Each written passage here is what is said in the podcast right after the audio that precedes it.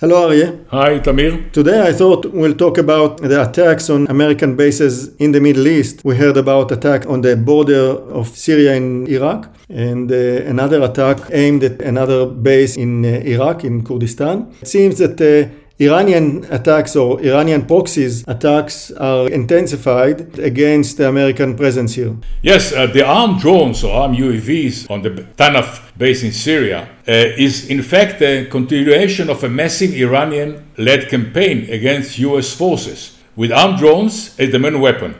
While Iran doesn't have a, a real air force or uh, any type of uh, navy, they have invested heavily in the development of armed drones and UAVs. Some say with the help of China and North Korea.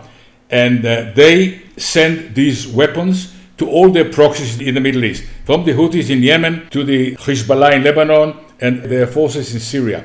And while Israel has, uh, in recent years, developed some anti drone, anti UAV systems, the Americans are lagging behind and now they are caught not ready to deal with this type of weapon. Some experts say that to fill the gap, the Americans may ask some Israeli companies to supply them with anti drone, anti UAV systems. The Iranians use the armed drones as a way to cause casualties to American forces by using what is still considered by mistake a secondary weapon system.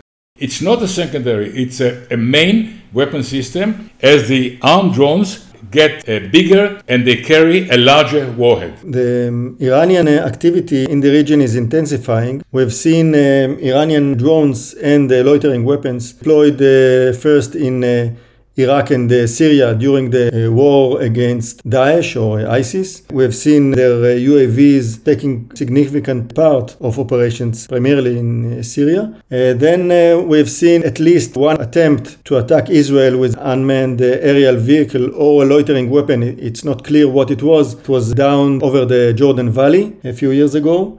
We've seen a lot of these weapons in Yemen where they used loitering drones and uh, armed UAVs against coalition forces, uh, Saudi and uh, UAE forces in Yemen and uh, then turned to attack inside Saudi Arabia. Remember the attack on the oil fields in Saudi Arabia and the Emirate airport, an attack by drone that was denied by the government there, but there was something uh, over there.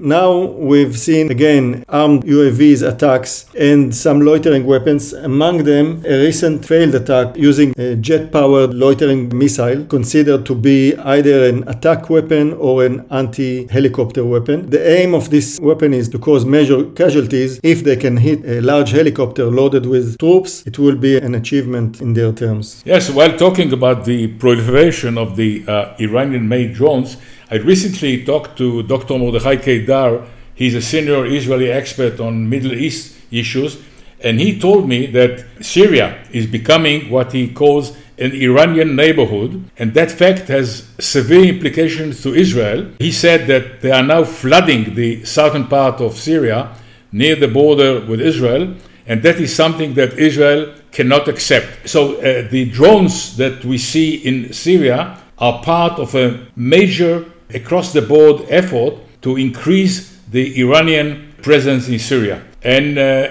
I'm sure that we'll discuss these issues in some of our next podcasts. Thank you very much, Tamir. Thank you.